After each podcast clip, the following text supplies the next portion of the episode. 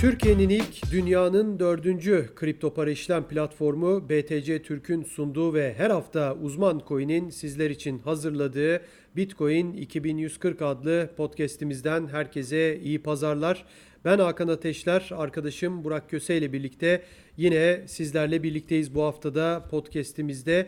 Tabii ki yine çok çok önemli konular e, bizlerle birlikte olacak. E, Grayscale'den fiyata, Bitcoin madenciliğinden Çin yasaklarına kadar birçok konuyu konuşacağız ve şu anda da 60. bölümümüzle sizlerle birlikteyiz. Gerçekten Mayıs ayında zaten 52. bölümle birinci yılımızı doldurmuştuk ve 60. bölümdeyiz. Gerçekten her hafta galiba bir ya da iki kere, üç değil bir tatil arası vermiştik geçen yaz ve bu yaz. Onun dışında her hafta podcastlerimizi yaptık ve sizlere e, önemli gelişmeleri aktarmayı başardık podcastlerimizde. Burak hoş geldin. Hoş bulduk Hakan. Sen de hoş geldin. Sağ ol, teşekkür ederim. Hemen istiyorsan... 60. E, bölümümüz e, kutlu olsun. Evet 60. bölümümüz kutlu olsun. Birinci yıldan sonra inşallah 100 bölümü de bulacağız. 100 bölümü de tamamlayacağız diyelim. Hemen o zaman başlayalım programımızda. Gerçekten çok çok önemli konular var. Özellikle Grayscale tartışmaları içinde Grayscale kilit açılması etki eder mi Bitcoin fiyatına? Fiyatlar düşecek mi? Düşüş beklentisi var mı? Bunlar çok tartışılıyor. Çin'in Bitcoin madenciliği konusundaki bu katı e, organizasyonu, operasyonu diyelim devam ediyor. Artık bir ismi açıklanmasa da bir şirketi de kapattılar. E, bir yazılım kripto para şirketlerine yazılım sağlayan bir şirketi bile kapattılar. Detayına kadar takip ediyorlar. Onun dışında başkan yardımcısının bir açıklaması vardı. Kripto para şirketlerine bir ofis bile kiralamayacaksınız diye. Gerçekten çok ilginç açıklamalar. Buraya kadar e, kripto paralara adeta savaş açmış durumda. Çin diyelim ve istiyorsan bu Çin operasyonundan başlayalım. Burak neler söylemek istersin? Geçmiş yıllarda da 2017'de de hep konuşuyorduk. Yani borsaları yasakladılar, başka şeyler yaptılar. Hep konuşuyorduk. Hatta Mayıs ayındaki açıklamalardan sonra hani kripto para evreninde biraz dalga da geçiliyordu. Çin'in açıklamalarıyla işte Çin'in 470. yasağı falan gibi ya da 1200. yasağı gibi böyle dalga geçen abartılı rakamlar veriliyordu ama pek dalga geçilecek seviyede olmadı. Çin açıkçası bütün kapılarını kripto paralara kapadı ve ben bu paraları istemiyorum kardeşim bu ülkede dedi Xi Jinping'in ülkesi açıkçası net olarak savaş açtığını ve istemediğini belirtti. Sen neler söylersin? Evet ben şunu söylemek istiyorum en başta. Şimdi eğer hani bundan iki sene önce Çin'in böyle bir kapsamlı bir madencilik yasağı getireceğini, işte tüm madencileri böyle toptan bir yasak uygulayacağını tüm madenciler için eğer bunu düşünüyor olsaydık böyle bir senaryoyu ya ben kendi adıma şunu söyleyebilirim. Bitcoin için bunun bir felaket senaryosu olabileceğini söylerdik muhtemelen. Yani ben söylerdim en azından. Ama evet. böyle bir nereden baksan Bitcoin hash rate'inin yarısından fazlası eridi gitti yani. Orada 90 e, şu anda bir dönem 200 exahash'ti bu Bitcoin'in hash rate'i. Daha sonra 90 exahash seviyesine kadar indi. Hatta 60 60 exahash'e indi de şu anda 90 exahash seviyelerinde. Evet. Yani şu an mevcut görüntüyle yarı yarıya bir erime var. E böyle bir durumda işte birçok buradan belki felaket senaryosu çıkarabilirdik. Ama gelinen noktada Çin'in bu kapsamlı yasağı gördük ki hani Bitcoin'in işleyişine baktığımızda şu anda mevcut güncel durumu söylüyorum. Burada A hala problemsiz bir şekilde çalışmaya devam ediyor. Fiyatta 34 bin dolar aslında öyle çok da felaket e, senaryoları yazılacak bir durum ortada yok bana göre. Yok. Yani şu var. E, burada... Yani asıl felaket senaryosu bu arada özür dilerim. Yani fiyattan öte biraz e, ağın network'ün güvenliğiyle alakalıydı tabii değil onunla mi? alakalıydı. Evet evet. Tabii, burada tabii. ağın güvenliğinin sarsılabileceği şeklinde senaryolar belki yazılabilirdi. Ama şu anda o anlamda herhangi bir kötü durum yok. Hatta evet. yani şu var daha önceki bölümde de bunu vurgulamıştık aslında. Buradan bir %50'lik düşüş daha olsa Bitcoin ağının hala güvenli bir şekilde çalışacağını ne şekilde söyleyebiliriz. Ee, aslında şimdi Çin'den kötü haberler gelmeye devam ediyor dönem dönem hala. İşte sen en son bir yazılım şirketini kapatmalarından örnek verdin. Ama... Yani bu bu şunu da söyleyeyim yani bunu bence çok da abartıldı tamam. Evet. Tabii ki hoş bir şey değil ama Şimdi nasıl bir yazılım şirketi, büyük mü, küçük mü, ismini bile duymadık. Yani biraz bilmiyorum Amerikan medyası ya da Avrupa medyası olarak ayırmak da istemiyorum ama böyle bir aşırı bir felaket senaryosu açlığı var sanki Evet. medyada da özellikle yabancı medyada bilmiyorum. Yani, Yani- bizde de var bu evet. Ya kötü haberler hep daha şey oluyor ama Benim benim daha çok okunuyor ama benim bir gazeteci olarak dikkatimi çeken şu. Reuters özellikle çok yapıyor bunu son dönemde. evet. Evet. Hep böyle işte işte Çin Bitcoin'i yasakladı. Çin işte o, o dönem mesela ilk böyle bir şey ortaya çıktığında olan şuydu. Siz bankacılık kurumları işte ödeme şirketleri Bitcoin'le herhangi bir hizmet vermeyeceksinizdi. Ama bu öyle bir maaşta çıktı ki Çin Bitcoin'i yasakladı şeklinde ortaya çıktı. İlk haberlerden bahsediyorum. Onun dışında işte bu hani önemsiz de olsa bir yazılım şirketini alıp böyle manşetlerde büyütmek bunu da görüyoruz hala. Özellikle Reuters yapıyor. Onun dışında Yani haber değeri var mı? Tabii ki var. Evet. Ama e, yani e, gördük e, bir yerde de hatırlamıyorum şimdi CoinDesk olabilir. Yani böyle bir işte Çin şirketi kapattı ve Bitcoin işte son iki günde e, ki bütün kazançlarını geri verdi. Mesela başlık bu. Yani bir de onların başlıkları uzun oluyor biliyorsun. Bayağı cümlenin cümlesi çıkıyor.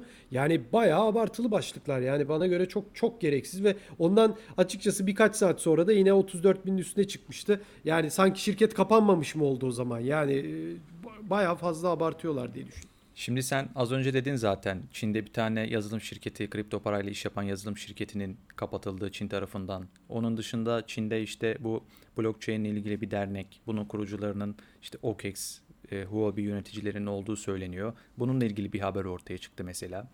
Yani Çin'den Evet. aslında kötü haberler gelmeye devam ediyor ve Çin fadı denen bir şey ortada var gibi görünüyor ama fiyata baktığımızda aslında fiyatın bundan son haberlere baktığımızda özellikle etkilenmediğini görüyoruz. Yani bu anlamda e, şunu söyleyebiliriz. Artık madencilik yasaklarından sonra, alım satıma getirilen yasaktan sonra Çin'den kötü haberler gelmeye devam ederken fiyatta herhangi bir oynama yok. Buradaki o kritik eşik aşılmış olabilir yani. Bunu bunu söyleyebiliriz bence. Tabii. Yani e, burada sen e, biraz çok az belki fiyata da girmiş olacağız ama 30 bin çok sağlam kale çıktı diyebilir miyiz? Yani o 30 binin altına evet sarktı mı sarktı ama hemen geri topladı. Çok sağlam direniyor diyebilir miyiz o bölgede? Diyebiliriz. Evet. Ee, umarım 30 bin seviyesi de aşağı yönlü kırılmaz. Burası önemli bir birikim bölgesi. Zaten haftalardır 30 bin dolar seviyelerinde geziyoruz. Burada işte zincir üstü verilere baktığımızda burada bir birikim olduğu, büyük yatırımcıların buradan Bitcoin satın aldığı, onlara bireysel yatırımcıların eşlik ettiğini görüyoruz şu anda. O yüzden yani 30 bin dolar seviyesi öyle görülüyor ki şu anda bir dip olarak görülüyor ve bir alım fırsatı olarak değerlendiriliyor. Çünkü bunu niye sordum? Yani aşırı derecede, ya aşırı demeyeyim de çok fazla hem Türk hem yabancı birçok analistin de bu anlamda yorumları da var yani. Hani bir 20 22 bine düşecek diyen var, 25 bin, 27 bin olacak. Oradan bir boğa sezonu devam edecek diyen var. Sen burada neredesin? Ee, yani yine fiyat oldu ama iş e, çünkü 30 binin altına sarkmayacağını söyleyen de birçok analist var. Ya böyle bir düşüş, bir büyük düşüş daha oradan fırlayacak diyen var. Hayır 30 binin altına düşmez diyen var. Yani böyle tartışmalar e, 30 bin seviyesinde devam ediyor. Yani 30 bin güçlü bir destek bölgesi. Bu Evet. açık. Bunu net şekilde söyleyebiliriz zaten. Ee, burada Tabii. Kırılma ne olur? Mesela en son şey olmuştu. 28 bin küsürlere sarkmıştı fiyat. 28 bin 800 Evet. dolar gibi bir seviyelere gelmişti. Buradan bir geri dönüş olmuştu aslında. Yani öyle bir sarkma da olabilir tabii ki. Yani buradan 29-28'e inebilir fiyat. Oradan hızlı bir şekilde toparlanıp 30 bin doların üzerine çıktıktan sonra zaten herhangi bir problem yok o saatten sonra. Hani o noktalarda da geri dönüş gelebilir. Mesela 28-29 seviyelerinde de gelebilir. O yüzden 30 bin doların altına sarktığı noktada burada e, 4 saatlik kapanışları veya işte günlük kapanışları beklemek lazım. Çok da paniklememek gerekiyor. Tabii yani ben deyin gördüm tweetini. Peter Schiff e, bir tweet atmış. O da biliyorsunuz e, altın e, destekçisi ama baya baya altın taraftarı diyelim. Ya Bitcoin'e de baya baya karşı çıkan bir O artık insan. karikatür oldu ya. Tabii tabii karikatür oldu. O mesela ne dedi? 10 bin doların da altına gider. %80 düşüş bekliyorum gibi bir şey söyledi ama hemen altına tabii eski ekran görüntülerini koymuşlar. İşte geçen Mart ayında e, koronavirüs pandemisi patladığı zaman da işte 4 bin dolar seviyesine indiğinde Bitcoin o zaman da demiş ki 750 dolara inecek %80 bekliyorum diye. E, o da olmadı tabii. E, yani, yani herhalde hı. 10 bin dolar gibi yani o çok abartı tabii ama oralara hiç beklemiyoruz herhalde değil mi? Şimdi aslında şunu söyleyebilirdik. Şunu beklerdik. Mesela diyoruz ki Bitcoin geldi bugün 1 2 e, trilyon dolarlık bir piyasa toplam kripto para piyasası bu noktaya ulaştı. Bitcoin'in piyasa değeri bir noktada 1 trilyon dolara aştı. Şu an en son rakamları kontrol etmedim ama herhalde 700 civarında. Tamam 700 dolar, 700 milyar dolar, 800 milyar evet, dolar evet, gibi bir evet. seviyelerde şu anda. Şimdi 2017'ye bakalım. İşte 2018'e bakalım, 2019'a bakalım. Buralarda neydi? İşte 100 milyar doların altındaydı. Tabii. İşte tabii, tabii, tabii. O, o noktalardaydı Bitcoin'in piyasa değeri. O zaman da volatilite vardı ve o zaman şöyle bir görüş hakimdi. Bitcoin büyüyecek ki piyasa büyüyecek ki 1 trilyon dolar olacak ki işte atıyorum 800 milyar dolar olacak ki hani volatilite biraz daha azalsın. Volatilite azalsın gibi bir görüş hakimdi ama şimdi bakıyoruz burada Tabii. E, artık Bitcoin bir noktada dedim ya 1 trilyon dolara aşmıştı. Böyle bir durumda oradan biz %50'den fazla sert bir düşüş gördük mesela. Aslında çok Tabii. da volatilite burada azalmıyor. Bitcoin burada öyle bir varlık ki e, sert hareketler piyasa değeri hangi noktaya gelirse gelsin devam ediyor.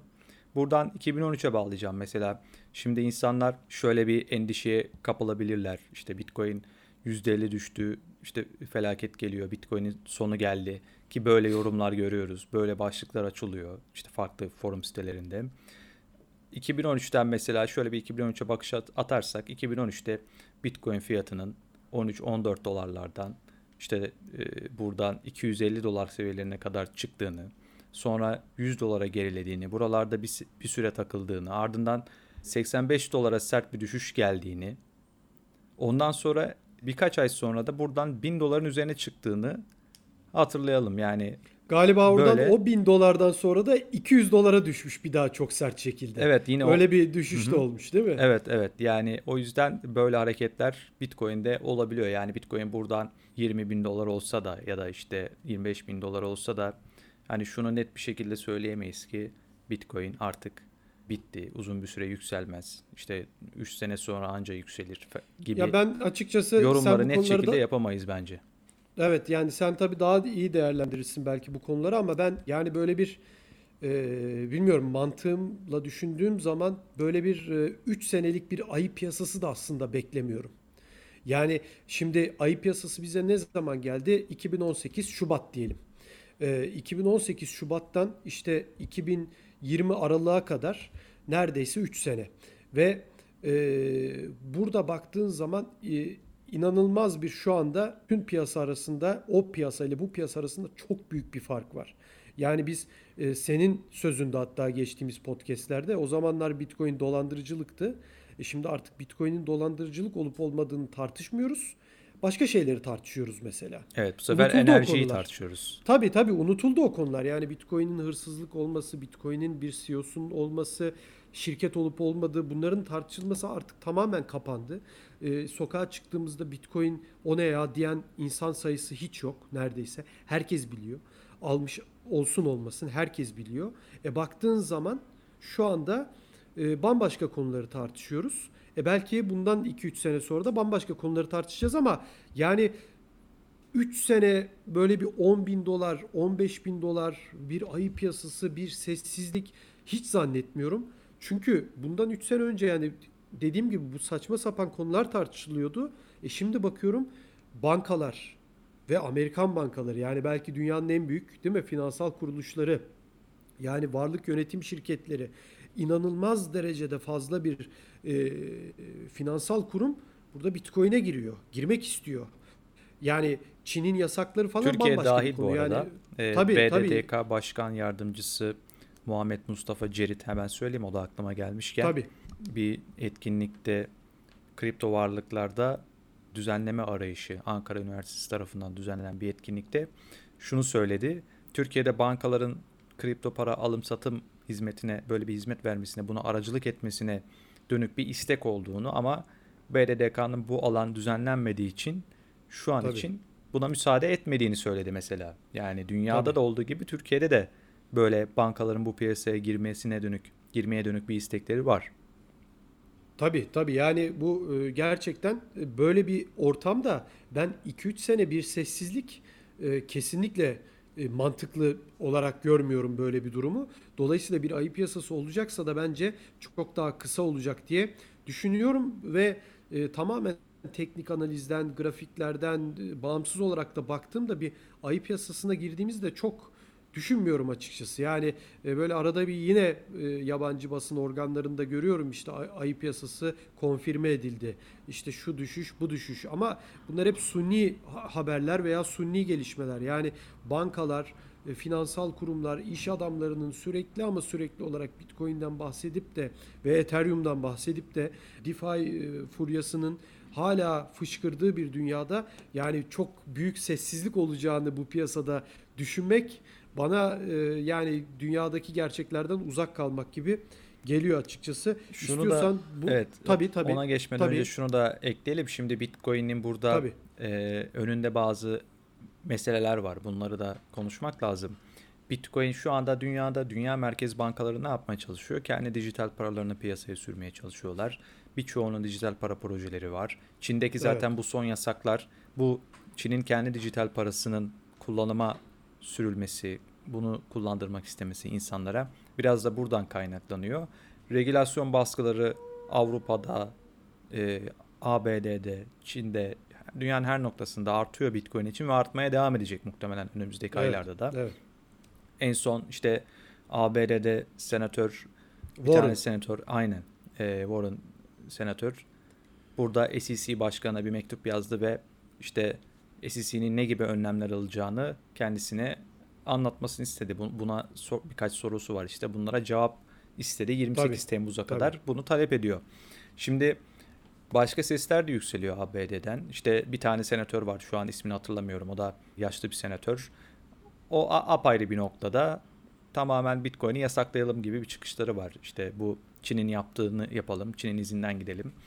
Yani, herhalde Amerika ile Çin'in e, son herhalde böyle bir 70 yılda falan e, ortak noktada buluştuğu tek konu diyebiliriz. Yani herhalde. bence şey bazı senatörlerin diyelim yani tamamen Amerika'ya da bunu herhalde Tabii. mal edemeyiz. Çünkü Tabii canım. gerçekten orada Bitcoin'e ılımlı yaklaşan, Bitcoin'e tabii. çok var. düzenleme Çok konusunda var. çok senatör var. Aynen dediğin gibi. Ya ben sana söyleyeyim Çin, Çin'de bile vardır. Çin'de bile bunun sayısı çok yüksektir de orada öyle bir diktatöryal rejim var ki Komünist Parti rejimi. Başkan ne diyorsa o bitti tartışamazsın. Yani o yüzden hani orada da bence Çinliler de Çinli politikacılar da çok fazla istemiyordur açıkçası. Kesinlikle. E, orada yasaklamak ama o tabii sistemin devam etmesi açısından önemli bir şey yasaklamak.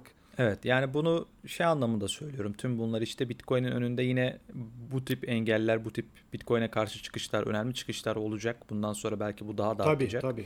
O yüzden en azından bunu bilmek ve ona göre davranmak önemli. Ee, çok kısa hemen burada da yorumunu çünkü konular çok birikti sonra e, zaman aşıyoruz. Zaman Evet. aşımına uğruyoruz öyle diyeyim. Ee, El Salvador'da da bunu da haberleştirdik biz uzman coin'de. El Salvador'da yapılan ankette de halkın yaklaşık dörtte üçünün Bitcoin hamlesinden e, Başkan Bukele'nin Bitcoin hamlesinden memnun olmadığı belirtiliyor ankette. Tabii çok büyük bir oran Bitcoin'i hiç duymadığını, hiçbir bilgisi olmadığını da söylemiş. Sen neye bağlıyorsun El Salvador'daki bu anketin sonuçlarını? Birincisi Reuters'a bağlıyorum. Bu yine bir Reuters haberiydi galiba. Evet, evet. Neyse. Ama anket sonuçta. Evet, ne evet. kadar abartabilirsin bir Tabii. anket? Ya, e, bu bir sınırlı bir kişiyle yapılmış bir anket birincisi. Yaklaşık bin küsür Evet. katılımcıyla yapılmış bir anket. E, tabii şunu da beklememek lazım. Şu anda biz Türkiye'de de sokağa çıkıp bunu sorsak herhalde böyle bir oranla karşılaşırız. Dünyanın Doğru, diğer bölgelerinde de çünkü insanlar daha Bitcoin'i yeteri kadar tanımıyorlar, bilmiyorlar. Bitcoin Bir konusunda de insanlar değişime hep kapalı ya. Ben onu artık şey yaptım. Yani belki biz de e, biraz daha yaşımız ilerlediği zaman belki biz de yeni değişimlere kapalı mı olacağız bilemiyorum e, bu teknolojileri görmemize rağmen ama e, hep hep bir kapalılık var dünya üzerinde. Dini, dili, ırkı ne olursa olsun bir yaştan sonra insanlar kapalılar yani değişime. Onun da bence Tabii. çok etkisi var. Kesinlikle onun da etkisi var. Ama burada bir ana akım medyanın anlatısı da buradaki anlatı da önemli. Hani biz Türkiye'de çok net şekilde gördük geçtiğimiz aylarda işte TODEX üzerinden, e, diğer borsalar üzerinden Doğru, doğru. Bitcoin dolandırıcılık şeklinde bir anlatı ortaya atıldı mesela. Bu bunun sorumlusu sanki Bitcoin'miş gibi. Hala da haberler yapılıyor zaten bu Biz konuda. gerideyiz biraz. O evet. yüzden insanlar e, bu konuda bilinçli değiller.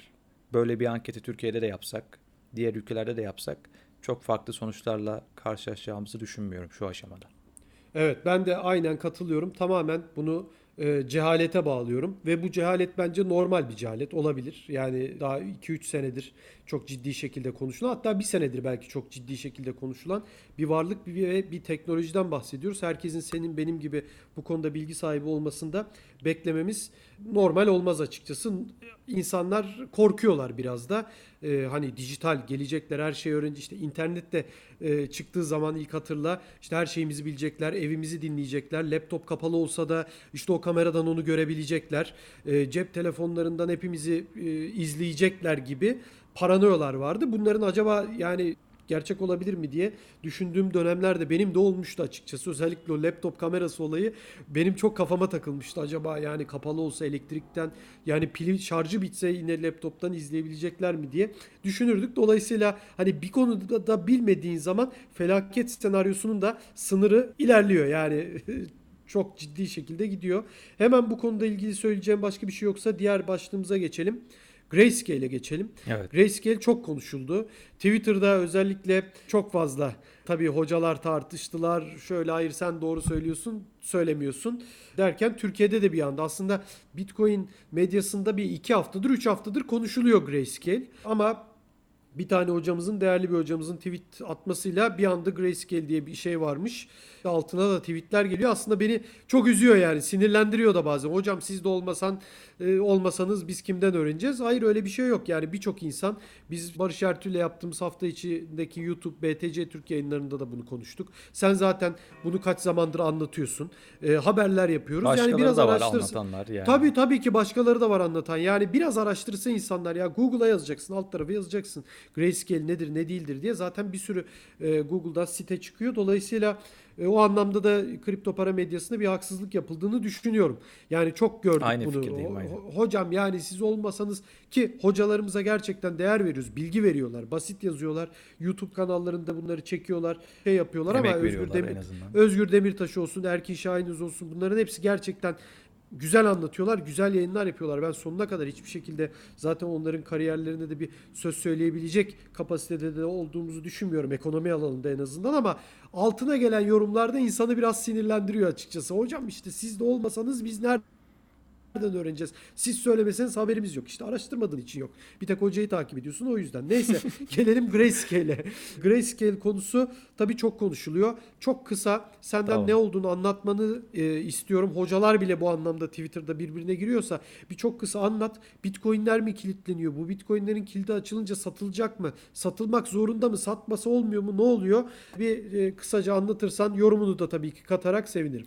Şimdi birincisi e, Grayscale'de herhangi bir Bitcoin'lerin kilidinin açılması gibi bir durum yok. Burada sadece Evet. Grayscale hisseleri, Grayscale Bitcoin fonunun hisselerinin kilidinin açılması gibi bir durum söz konusu.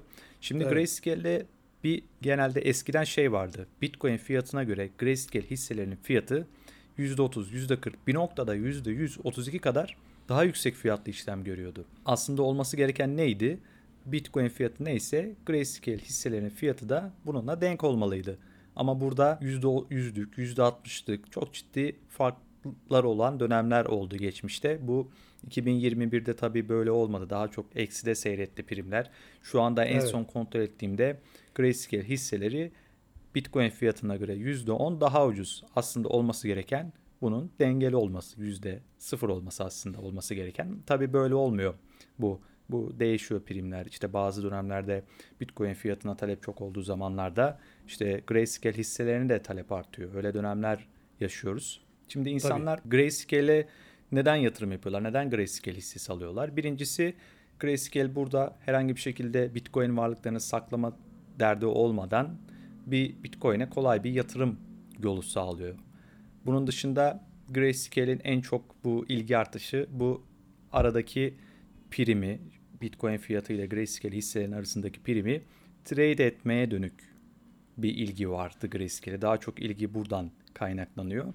Tabii insanlar Grayscale hissesi almak için buradan dolarla borçlanıyorlar veya işte Bitcoin borçlanıyorlar. Sonra dolar borçlanıyorsa bununla Bitcoin alıyor. Sonra bu Bitcoin'i gidiyor işte Grayscale'e veriyor. Bunun karşılığında hisse alıyor.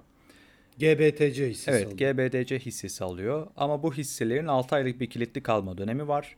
6 ay sonunda bu hisselerin kilidi açılıyor ve ikinci piyasada satılabiliyor artık. Evet. Şimdi yıl başında 2021'in başlarında ve işte burada çok Grayscale'e önemli yatırımlar oldu. E, Güçlü girişler oldu. 100 milyonlarca dolarlık ve Temmuz'da da toplamda 40 bin Bitcoin değerinde Grayscale hisselerinin kilidinin açılacağı şeklinde bir ortada durum var. Bunların en büyüğü 18 Temmuz'da açılacak. Burada 18 bin Bitcoin yanlış hatırlamıyorsam 18 bin Bitcoin olması lazım. Bu değerde bir Grayscale hisselerinin kilidi açılacak. İşte Bu bunlar... zaten biliniyordu değil mi? Yani bu saklı, gizli saklı bir şey değildi. 6 ay öncesinden Evet, bunu evet. alanlar zaten Belliydi. biliyordu. Aynen. Tabii. Gizli saklı bir şey değildi. O Grayscale mevzusu 3 aşağı 5 yukarı bu şekilde ve burada Bitcoin'lerin kilidi açılmayacak, hisselerin kilidi açılacak. Bunlar ikinci piyasada satılabilecekler. Tabii şu var. Burada hani demiştik ya Grayscale'den hisse alabilmek için Bitcoin'lerini veriyorsun.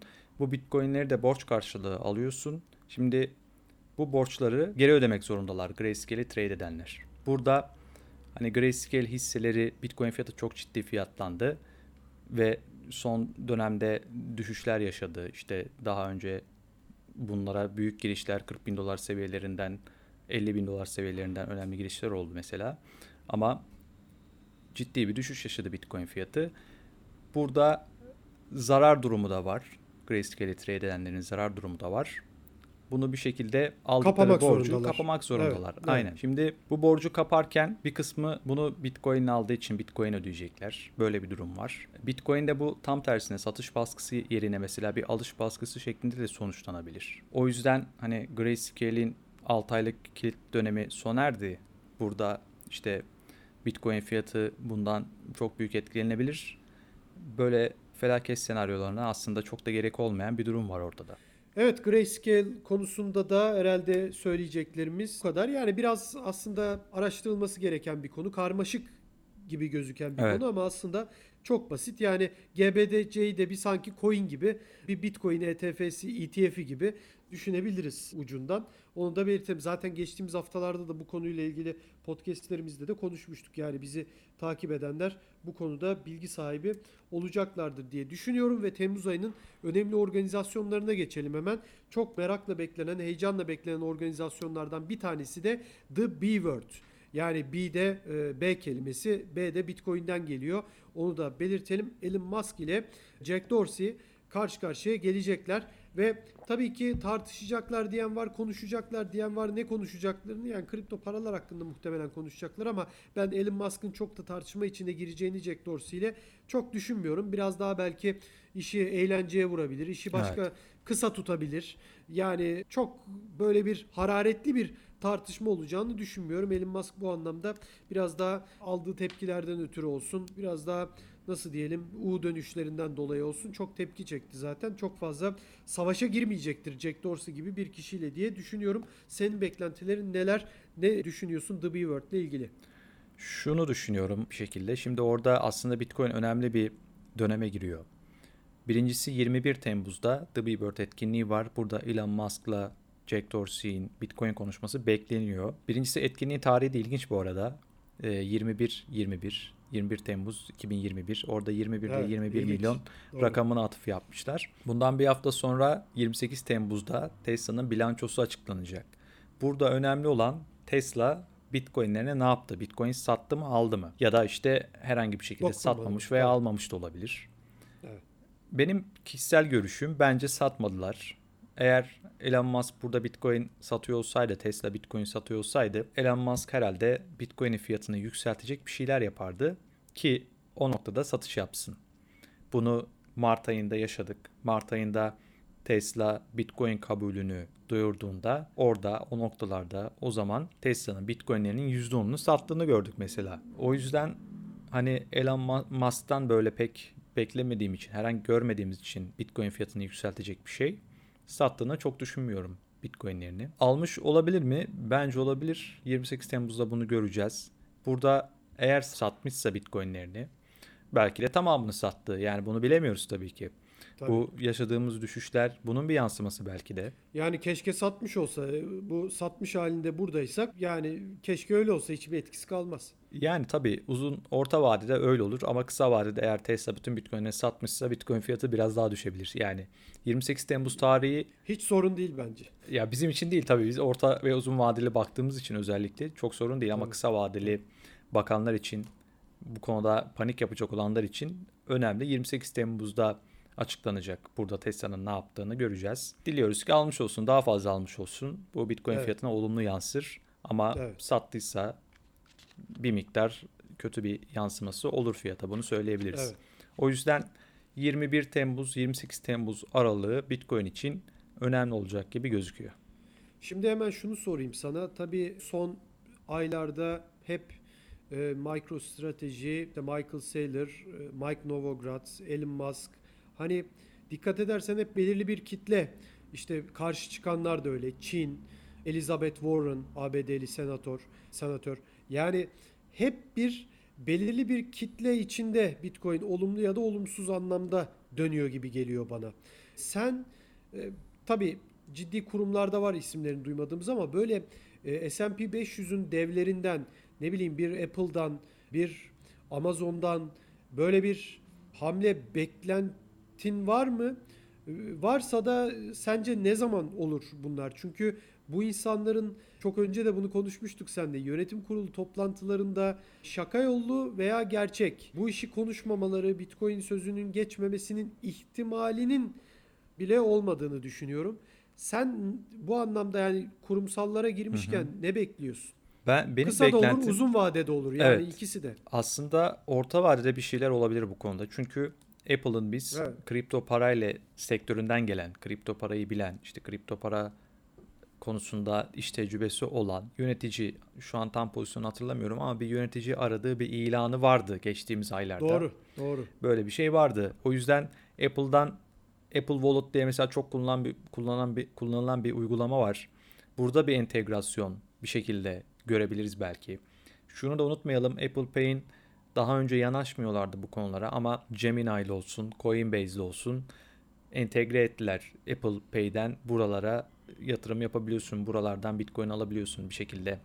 Entegrasyon Evet. sağladılar. Onun dışında o yüzden yani ben Apple'dan bir şeyler bekliyorum ki rakibi Samsung'a baktığımız zaman Samsung'un kendi kripto para cüzdanı var.